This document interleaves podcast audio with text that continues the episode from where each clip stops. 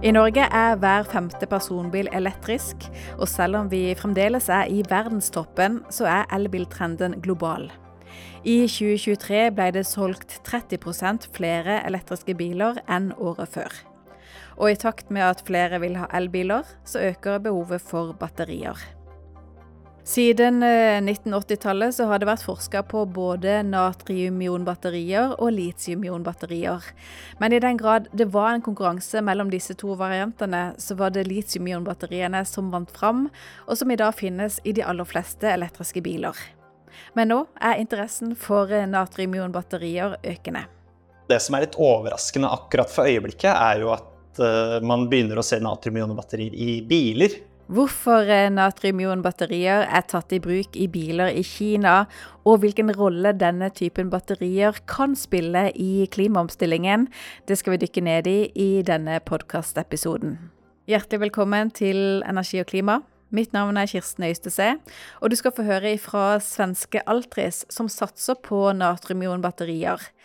Men eh, aller først så skal vi snakke med Sigmund Kielland, forretningsutvikler ved IFE, Institutt for energiteknikk. Velkommen, Sigmund. Takk for det.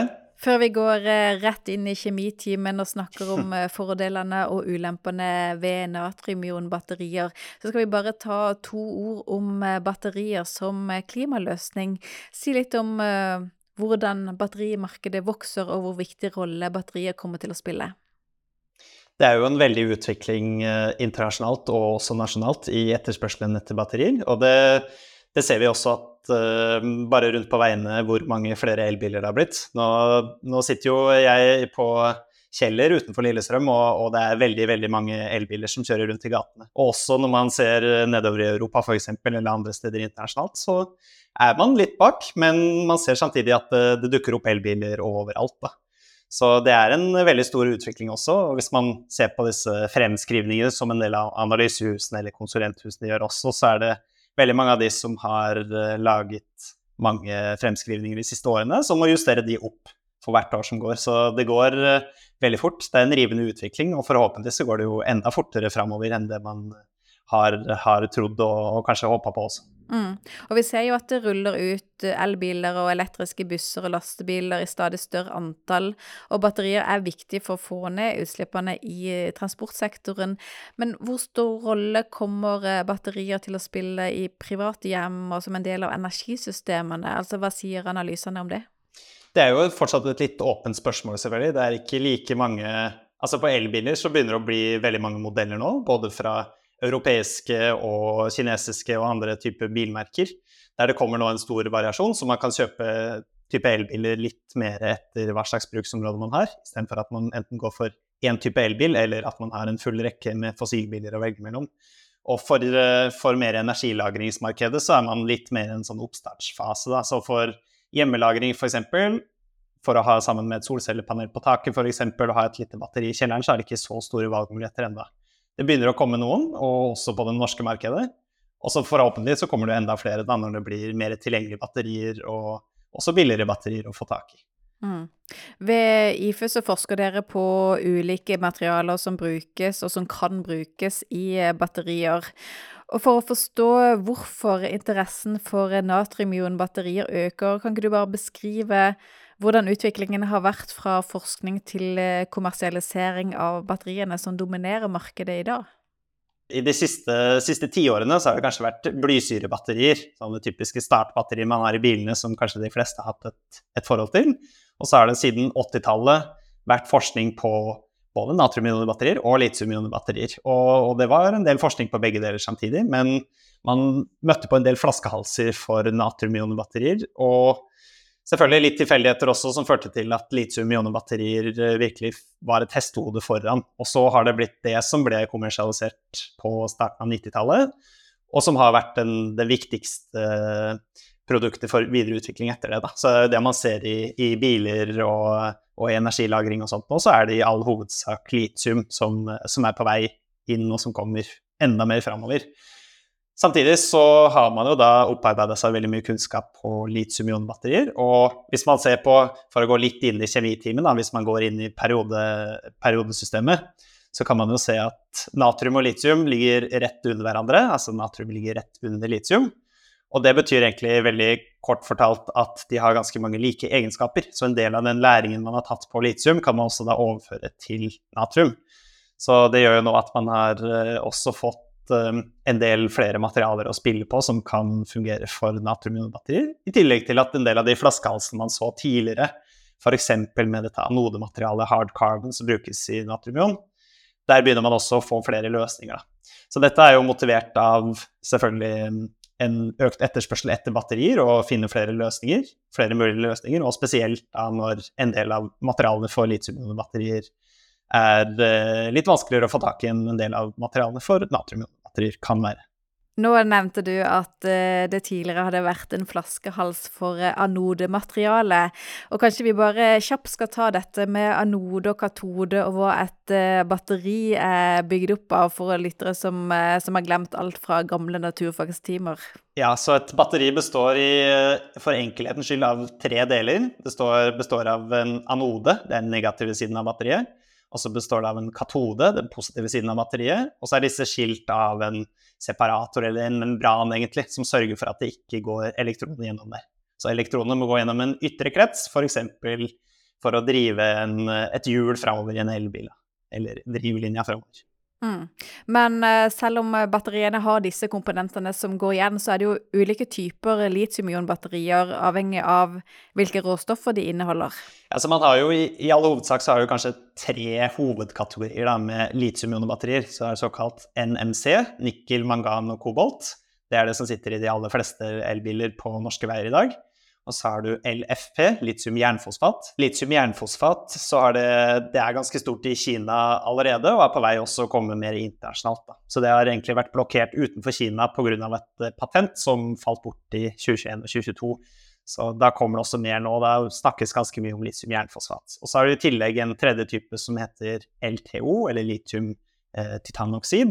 Som typisk eh, har en del lavere energitetthet og er en del dyrere, men kan lades opp, om, opp og ut ganske mange flere ganger. Da. Det er ikke så aktuelt for bil, men for f.eks. ferger, som, som, går ganske korte avstander, men som trenger å lade ofte, eller har mulighet til å lade ofte, så kan det være veldig aktuelt. Da. Så det er f.eks. bergensbaserte firma Tiotec jobber jo med en løsning som er ganske lik en sånn LTO-løsning. Og så har du på natriumionesida, for å ta den, så har du disse tre, tre litiumionetypene. Og LFP, litium-jernfosfatbatteriene, har litt lavere energitetthet, litt kortere rekkevidde hvis du putter inn i en elbil, enn det NMC-batteriene har. Men pga. at du bruker da jern og fosfor som stoffer, så blir det typisk litt billigere. Og natriumionene går inn egentlig som en konkurrent mot litium-jernfosfat. Så typisk så har natriumionbatteriene litt kortere rekkevidde, eller litt lavere energitetthet, som man sier. Men kan da typisk være, eller i hvert fall forventa å være, enda litt billigere på pris enn disse litium-jernfosfatbatteriene. Mm. Hvor langt er da utviklingen av eh, natriumionbatteriet å komme? Som sagt så starta man å forske på det på 80-tallet, så man har jo forska litt av og på på det i en del år nå allerede. Men samtidig ikke tatt helt av, da. Før de siste årene. Og i Kina så er det faktisk nå Den første masseproduserte bilen er på plass med natriumionbatteri. Så det er virkelig på vei inn i markedet og på vei ut på veiene. Men når det var litiumionbatterier som verden valgte å satse på å kommersialisere fra 90-tallet, hva er egentlig grunnen til at eh, interessen for natriumionbatterier har fått en slags renessanse nå?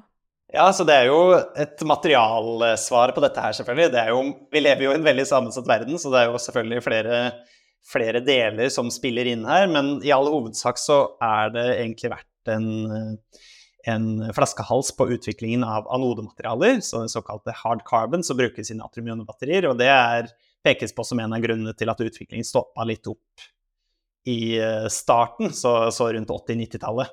Og så nå de siste årene så har man jo da fått en veldig etterspørselsvekst på litium-ionebatterier eller etter batterier da, mer generelt sett, som også har ført med seg veldig høye priser. Spesielt for, for ett til to år siden så var det veldig høye råmaterialpriser på de materialene man trenger for å produsere litium-ionbatterier. Og man kan jo si, eller det er et typisk sånn um, læresetning som sier at uh, kuren for høye priser er høye priser. For når man har høye priser, så får man jo da enten redusert etterspørsel, eller vil få utbygging av andre typer alternativer som tar ned prisene, da. Og det er litt av motivasjonen for at man eh, så et oppsving for natriumion nå de siste årene. Rett og slett fordi at eh, prisen for de materialene man trengte for litium-ion-batterier gikk veldig opp. Så kunne man da begynne å se mer på alternativer. Og da natriumion skal være et alternativ som er veldig mye billigere, så er jo det selvfølgelig et naturlig sted å, å lete, da, da man hadde høye priser på litium-ion-batterier. Og igjen, som nevnt i stad, så er det jo da også denne teknologioverføringen man har, i og med at litium og natrium har en del like egenskaper, som gjør at man da ganske, eller la oss si relativt enkelt med, med hermetegn, kunne overføre en del av den kunnskapen og, og ikke starte helt på nytt. Da. Man kunne bygge på en del av den kunnskapen fra litt litium. Så eh, natriumionbatterier det er interessant fordi at det kan eh, produseres til en konkurransedyktig pris, og så er det mulig å lage batteriene med råstoff som er relativt rimelig og tilgjengelig. Men hvis energitettheten er lavere sammenlignet med de beste litiumionbatteriene, hvor forventer dere da å se at eh, natriumbatterier primært vil bli tatt i bruk? Så kanskje en del av det som er litt overraskende akkurat for øyeblikket, er jo at uh, man begynner å se natriumionbatterier i biler.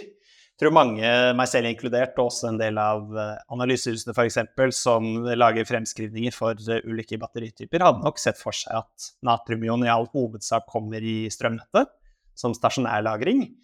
Og det er jo rett og slett fordi at det er denne lavere energitettheten, som du sier. Så på samme område, eller på samme vekt, så har du da mindre energi.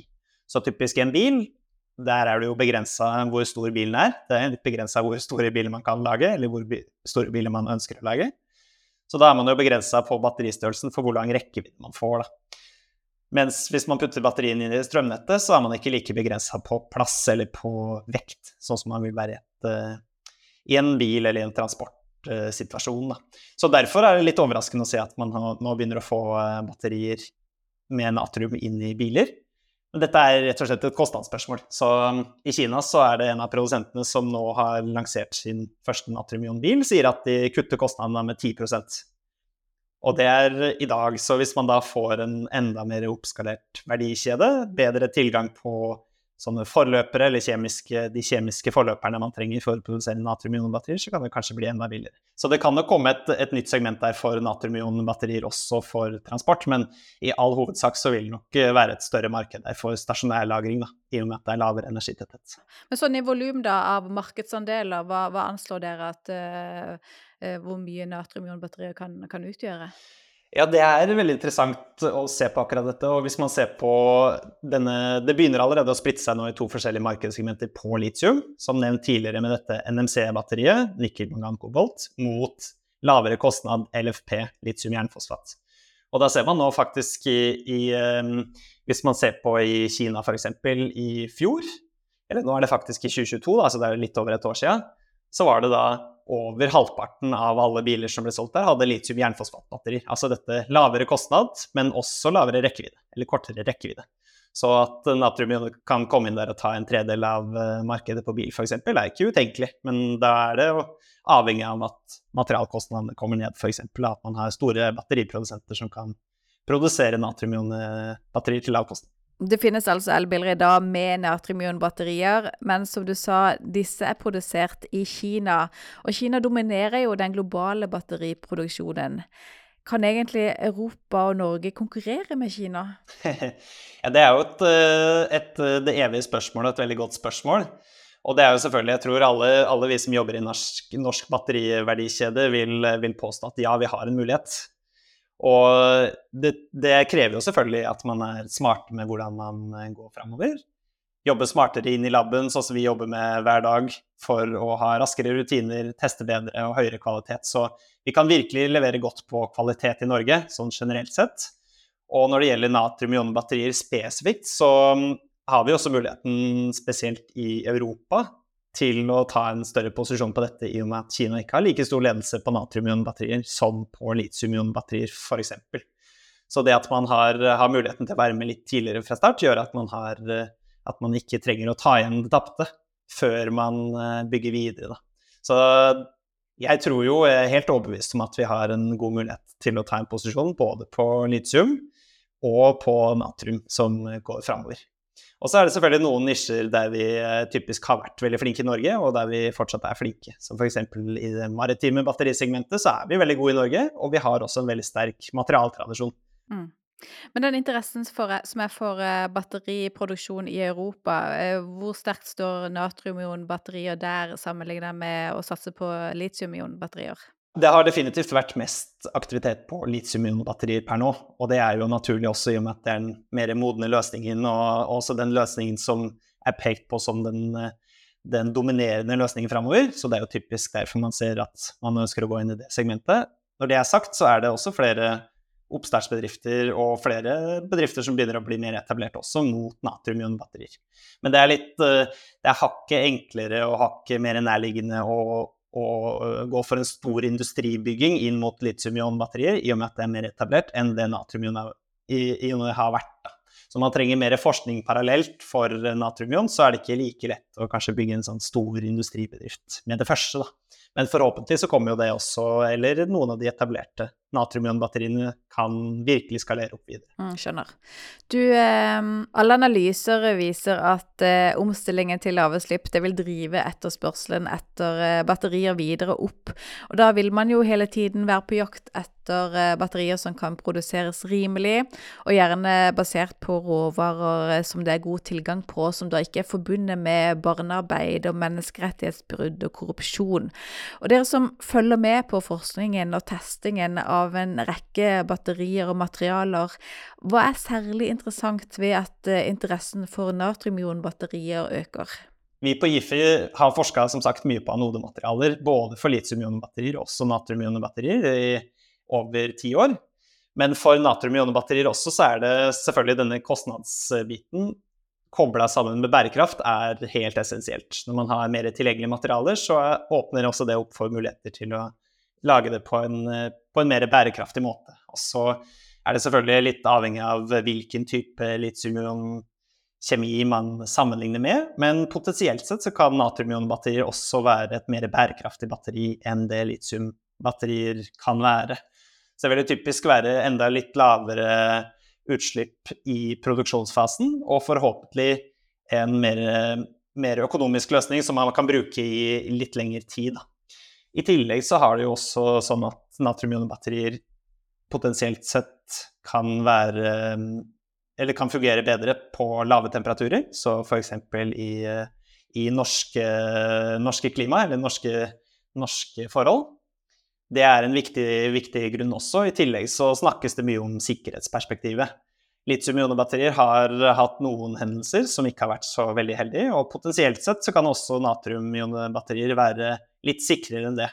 Og en viktig grunn til det er eh, at man kan sende natrium-ionebatterier uten å lade de. Og det er kanskje noe ikke alle vet nå, er at eh, det er en standard for at man sender litium-ionebatterier litt opplada.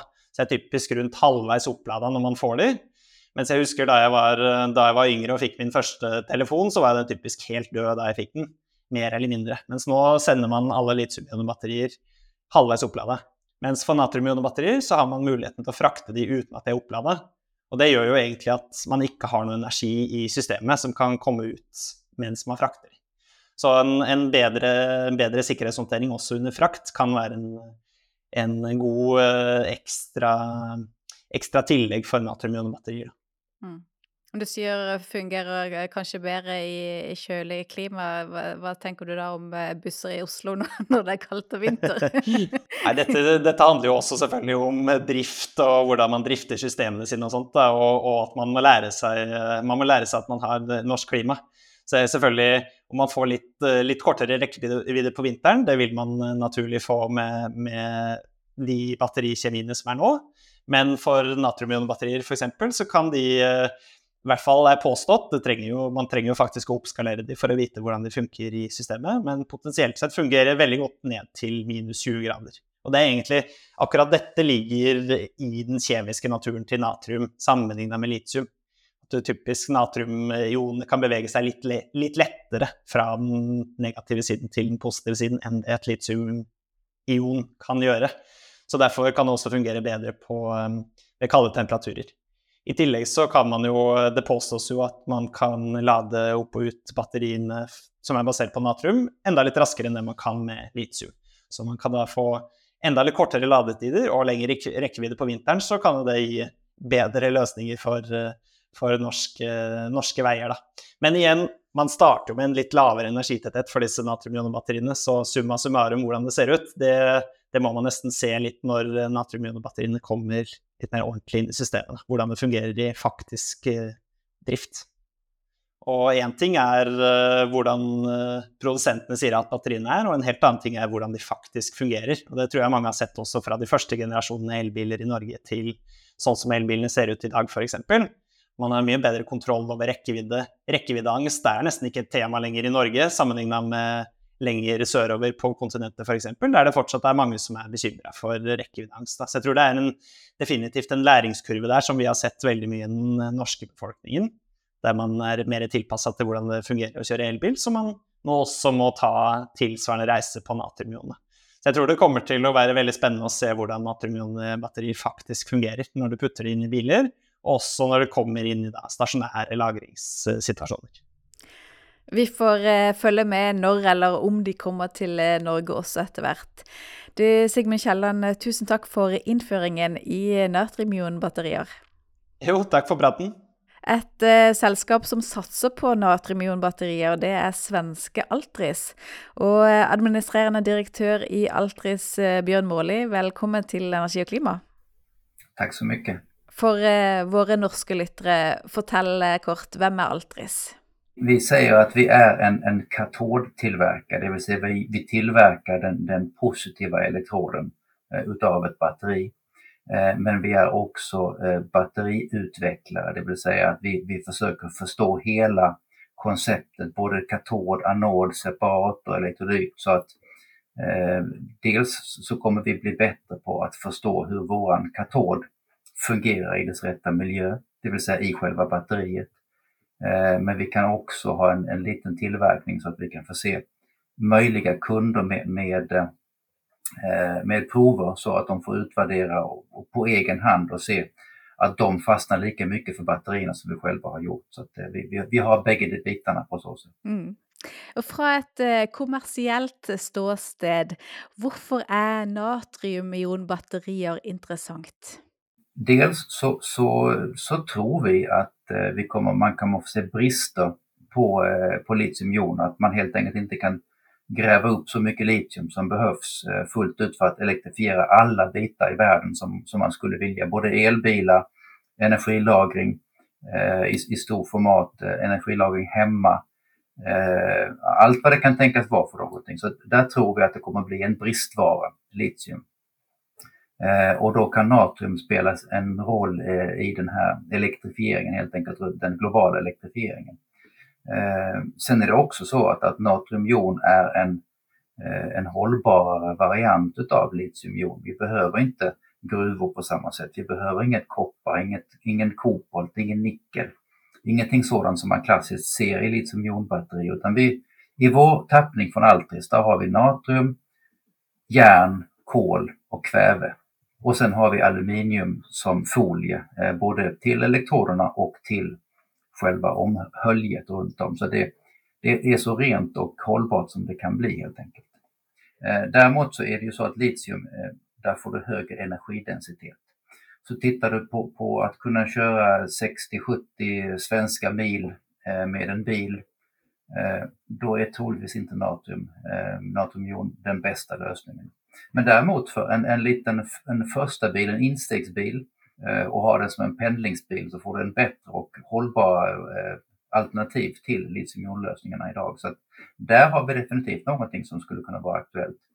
Eh, däremot behöver vi jobba lite grann på energitätheten i kommersiell skala. Forskningsskala är vi redan hemma, men vi ska kunna göra det kommersiellt också. Där, där har vi några steg till innan vi kan gå ut og si at vi har nått neste steg i energitetthet. Men det kommer. Så er det også fremheva at eh, natriumionbatterier kan være rimeligere å produsere sammenlignet med litiumionbatterier. Hvorfor det? Dels har natriumion eh, fungerer så at, at, du kan ta en, en litiumionproduksjonsline og helt enkelt bytte ut litiumionet mot natriumjonet Og sen så har du, helt, så har du en produktionslina som kan att anvende rakt av en så kallad drop-in eh, som, som, som det heter på engelska. Eh, men sen är det också så att, att eh, våra celler kan man faktiskt tillverka i en vanlig fabriksmiljö. Den ska vara ren, men den behöver inte vara så torr som man behöver ha i litiumjon. Så att det, det, är en energisnålare tillverkning också. Det är först i sista steget när man sluter själva cellen som det behöver vara torrt. Och då kan det vara ganska mycket mindre och sen det är skönare för arbetarna, för, för operatörerna att jobba med det här och det är bättre för, för eh, energihushållningen också att, att inte behöva ha det här stora renrummet och torrrummet som man måste ha i litiumjon. Mm. Ja, hvor står dere hen i dag, og hvor mange steg og hvor langt frem er det til det er kommersiellt på markedet? Det börjar komma kommersiellt redan eh, idag eh, i Kina. Eh, men det är en annan variant utav natriumjon. Det, det, finns tre huvudvarianter kan man säga. En som är metalloxider som är lager på lager ungefär som, som eh, eh, litiumjonvariantens NMC eller NCA. Eh, sen har du polyanioniska varianter, eh, ungefär som litiumets LFP, järnfosfat. Och sen finns det då en tredje variant där vi eh, hör in i, i, den, i den kategorin eh, som är Poisys blått eller det vi gör Poisys vitt. Eh, och det är helt enkelt en, en, eh, en, den renaste varianten av dem. Process fit framförallt där du bara har donatum och järn som, som dina metaller. Eh, och eh, där har vi nått eh, en världsledande energidensitet på 160 wattimmar per kilo. Och LFP som är då den motsvarande varianten på, på litiumsidan som ligger närmast oss, ligger mellan 120 och 180 så vi ligger väl jämnt med, med litium på den varianten. Tittar man på NMC då kanske vi ligger på upp mot 250-300 wattimmar per kilo och där är vi inte och kommer inte vara heller med all sannolikhet. Men, men det innebär egentligen att vi inte kommer konkurrera ut litiumjon fullt utan snarare komplettera det. Vissa applikationer kommer vi konkurrera med, andra applikationer kommer vi att komplettera så att det, det finns utrymme för bägge när vi ska elektrifiera världen. Hvor ser dere at eh, natriumionbatterier har størst potensial? Er det bilmarkedet dere sikter mot, eller er det vel så mye energilagring? Eh, først och främst energilagring vill jag säga. Eh, i, I dagsläget när vi bara är på 160 wattimmar per kilo, även om det är världsledande, så är det ändå eh, inte fullt ut så, så energitätt som man skulle kunna önska i alla lägen. Men där ligger eh, energilagring veldig väldigt varmt eh, som, som en första applikation. Det gör inte så mycket om, om det är lite tyngre i de här 20 fotscontainrarna man har i sin energilagring. Eh, man klarar sig bra ändå på de står på marken och är, de rör sig ju inte på så sätt. Men eh, det finns ju andra applikationer också. Eh, vi tittar ju vi har ett samarbetsavtal med ett företag som, som gör 12 volts blybatterier. Där man absolut skulle kunna tänka sig att man byter ut innan mätet. Så istället för ett blybatteri så är det ett natriumjonbatteri men det ser likadant ut som ett 12 volts blybatteri. Den marknaden är också väldigt stor. Ehm, och, och, det är ju faktiskt så att i varje elbil sitter det faktiskt ett blybatteri eh, som är ett, som ett, eh, ett kontrollbatteri på de, de olika kontrollsystemen som finns för att hålla litiumjonbatteriet i skick och i schack. Men dere skal eh, starte opp pilot først, og så skal det i fullskala etter hvert. Når ser dere for dere at det er mulig å gå i fullskala produksjon? Eh, ja, vi, vi, just nu håller vi på i Uppsala och utvärderar nästa steg som är ungefär fem gånger större än vi har gjort förut. Eh, och det ser bra ut hittills. Eh, nästa steg efter detta är att göra en pilotlina på en gigawattimme eller 2000 ton per år. Och där tittar vi nu på exakt hur processen ska gå till och vilka utrustningar, vilka rör och liknande som alltihopa ska, ska konstrueras efter. Eh, den kommer att vara uppe och snurra eh, mitten på 2025. Eh, nästa steg efter det är också fem gånger större, vilket är en ganska, ganska lagom skalfaktor. Så 5 gigawattimmar ute i Europa eller USA eller på bägge ställena under 2027-2028. Då kommer, då kommer vi vara kommersiella fullt ut i första steget och sen så kommer vi ytterligare lägga på 5 gigawattsfabriker så att slutet på det här årtiondet så är vi ungefär på 60 gigawattimmar i produktionskapacitet. Mm.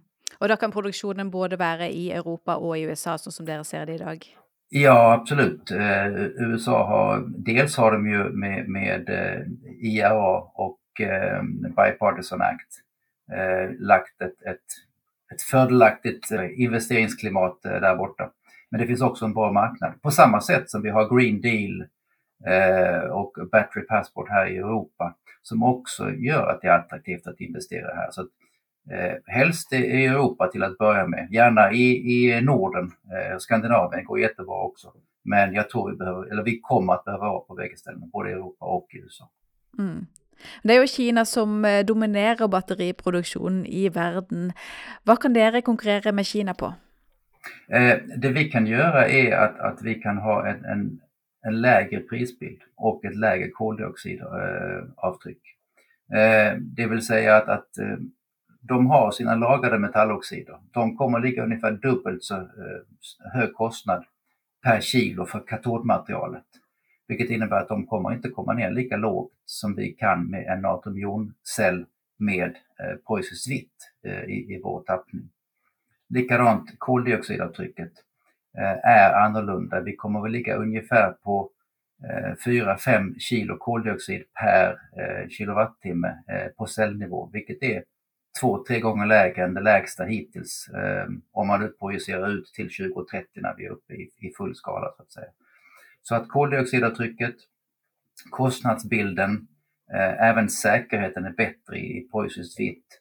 Eh, plus att vi faktiskt eh, är i Europa med en, en, en ren europeisk leveranskedja med alla råmaterial för att göra det här batteriet, de här cellerna, finns i Europa. När vi har vår amerikanska fabrik så kommer allt råmaterial finnas lokalt i USA. Vi behöver alltså inte vara beroende på vilken politik man röstar för i Kina eller Asien. Vi behöver inte vara rädda för att man eh, skjuter på huttier i, i Jemen. Eh, man behöver inte åka runt Goda hoppsudden utan man kan ha en, en, en, transport via lastbil eller tåg i Europa eller motsvarande i USA. På Altris risikobilde, da, hva er den største trusselen mot å lykkes? Det är att vi inte kan springa så fort eh, som vi egentligen skulle behöva för att, att fullt ut eh, industrialisera allting man ska ändå vara ödmjuk. Vi är inte mer än, än 30, 35 personer på Altris idag. Eh, vi kommer vara dubbelt så många om ett år ungefär och ytterligare dubbelt så många om ytterligare ett år. Eh, men är det tillräckligt snabbt? Det, det, det, vet man inte alltid förrän efteråt. Men eh, jag tror inte att vi ska springa för långsamt. Jag tror vi kommer klara det. Men, men eh, det är sånt som man kan ligga och tänka på på nätterna ibland. Ska vi industrialisera tillräckligt fort? Kommer vi nå de här första 5-10 gigawattimmarna under 2027-2028? Det blir interessant også for eh, oss som følger med utenfra. Det er mye oppmerksomhet og interesse for å etablere batteriverdikjeder i eh, Europa og Norden, så takk for praten, eh, Bjørn Morli. Tack så mycket. Jag tycker vi, en av de bitarna som är mest intressant kanske med att vara i Sverige och ha Norge och Finland väldigt nära är att vårt nordiska samarbete är fantastiskt och uppmärksammas väldigt mycket ute i världen. Så att jag är stolt svensk, norsk och finsk medborgare på, alla, ja. på samma gång. Ja, fint. Tack ska du ha, Björn. Tack så mycket. Det var alt i denne podkastepisoden. Litt nerdete kanskje, men forhåpentligvis også interessant. Vi er som vanlig tilbake om en uke, om ikke før. Takk for i dag.